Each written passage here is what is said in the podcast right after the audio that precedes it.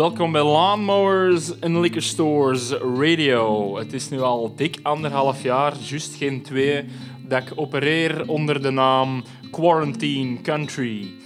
Maar het is pas sinds deze week en deze aflevering dat ik die titel ook alle eer aan doen, want het heeft lang geduurd, maar ik ben eindelijk ten prooi gevallen aan de Rona. En bij gevolg is deze aflevering live from isolation. Gelukkig doen de vaccins wel hun werk en zijn ik er niet al te ziek van en al zeker en vast niet eh, op palliatieve zorg aangekomen. En dus kan ik de aflevering van deze week er nog gewoon doordraaien. Deze week gaat het 100% over covers, materiaal rippen van een ander en herinterpreteren.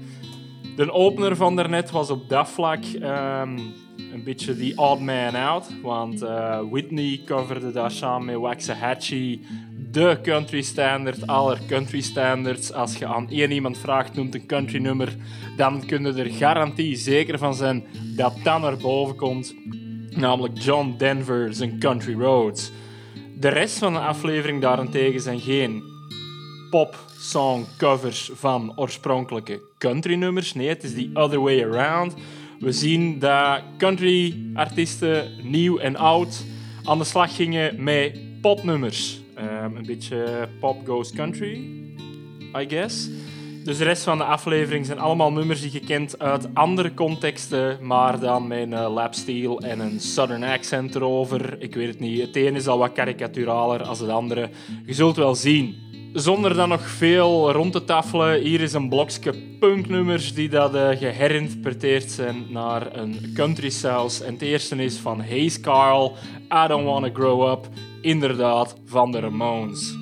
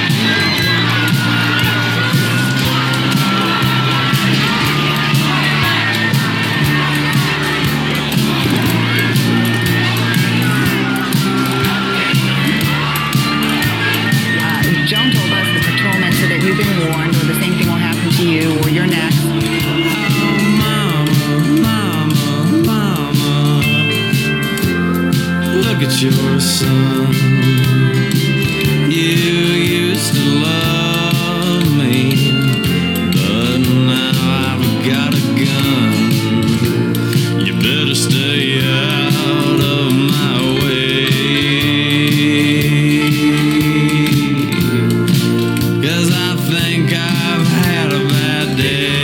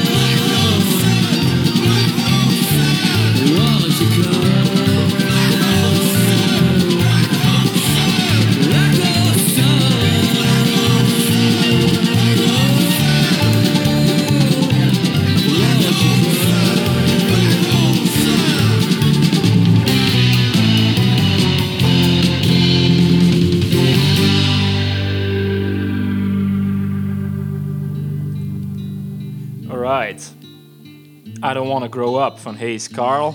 En daarna een nummer dat je al eens gehoord had, namelijk Croy and the Boys met Croy Hates the Police. Ehm, ik kon het niet laten van het nog eens te spelen, want ik blijf erbij dat Dix nummer is echt gemaakt om een gigantisch goede countryplaat te zijn. En dat is ook wat Croy hier nog eens bewijst. Eh, de rest van die EP heeft nog meer hardcore punk turned country nummers. Allee, country covers dan liever. Maar het is de deze die dat er echt uitspringt. Nadien Gun Outfit met een cover van Amps for Christ, namelijk de Tower Song. En Amps for Christ is het eh folkproject van Henry Barnes. Henry Barnes, u misschien beter bekend van power violence en noise outfits zoals Man is the Bastard en Bastard Noise en dan nog een race andere zijprojecten. Eh, maar met Amps for Christ ging er dus meer ja, een folk noise hybrid tour op. Eh, ik kan het niet goed uitleggen, het is uniek in zijn genre. En Gun Outfit pakt de Tower Song aan ehm, in hun eigen specifieke Americana wijdse vlaktestijl. Tot slot aan Leftover Salmon met Black Hole Sun van natuurlijk Soundgarden. Ehm, ik ben zelf geen grote fan van Soundgarden buiten dan Louder Than Love, het album. Ehm, en Black Hole Sun is in de jaren 90 en 2000 ook zo kapot gedraaid dat ik het niet meer kan aanhoren. Maar goed, het was dus interessant om te horen ehm, in deze andere setting. En ik kon het dus ook niet achterwege laten, vond ik. Hè. Van punknummers omgedraaid naar countrynummers gaan we terug naar popnummers omgedraaid naar countrynummers. En deze is er ene dat je misschien niet gaat verwachten. De volgende dat eraan komt is Willie Watson, die de synthpopkraker Dancing on My Own van Robin omturnt naar zijn eigen specifieke folky lonesome cowboy stijl. Hier is Willie Watson met Dancing on My Own.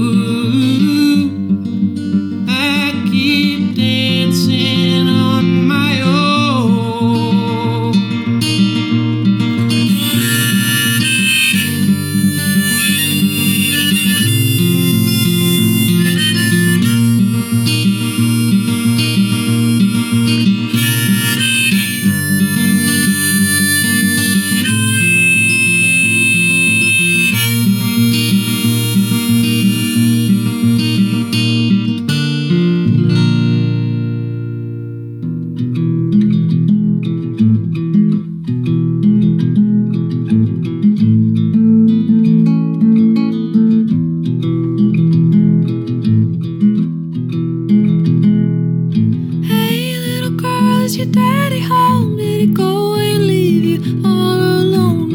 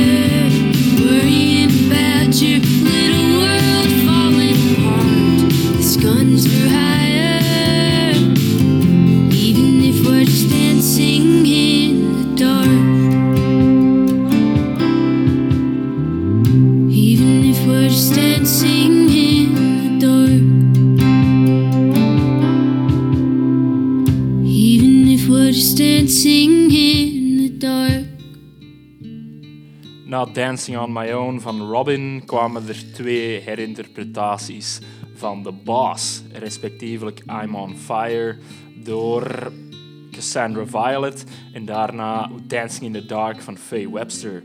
Als er mij één ding opvalt, of opgevallen is in de zoektocht naar country covers van populaire nummers, dan is het dat er twee artiesten bovenuit steken in de coverkeuzes. En dat is dus Bruce Springsteen, de boss, langs de ene kant, met dan eh, met stip op één I'm on Fire, dat in allerlei soorten trage en snelle varianten gemaakt wordt door allerlei soorten bands. En op een tweede plaats is dan Neil Young. Goed, Neil Young is aan zich al een soort country-artiest, of toch een folk-artiest. Dus het dus het hoeft niet te verbazen dat andere folk- en country-artiesten nummers van hem gaan aanpakken. Maar hij toch, het viel me op en ik vond het het vermelden waard. Dus I'm on Fire van Cassandra Violet en Dancing in the Dark van Faye Webster. We gaan nog even verder op de countryfied popnummers. En hier zijn The Wild Reeds met I Think We're Alone Now.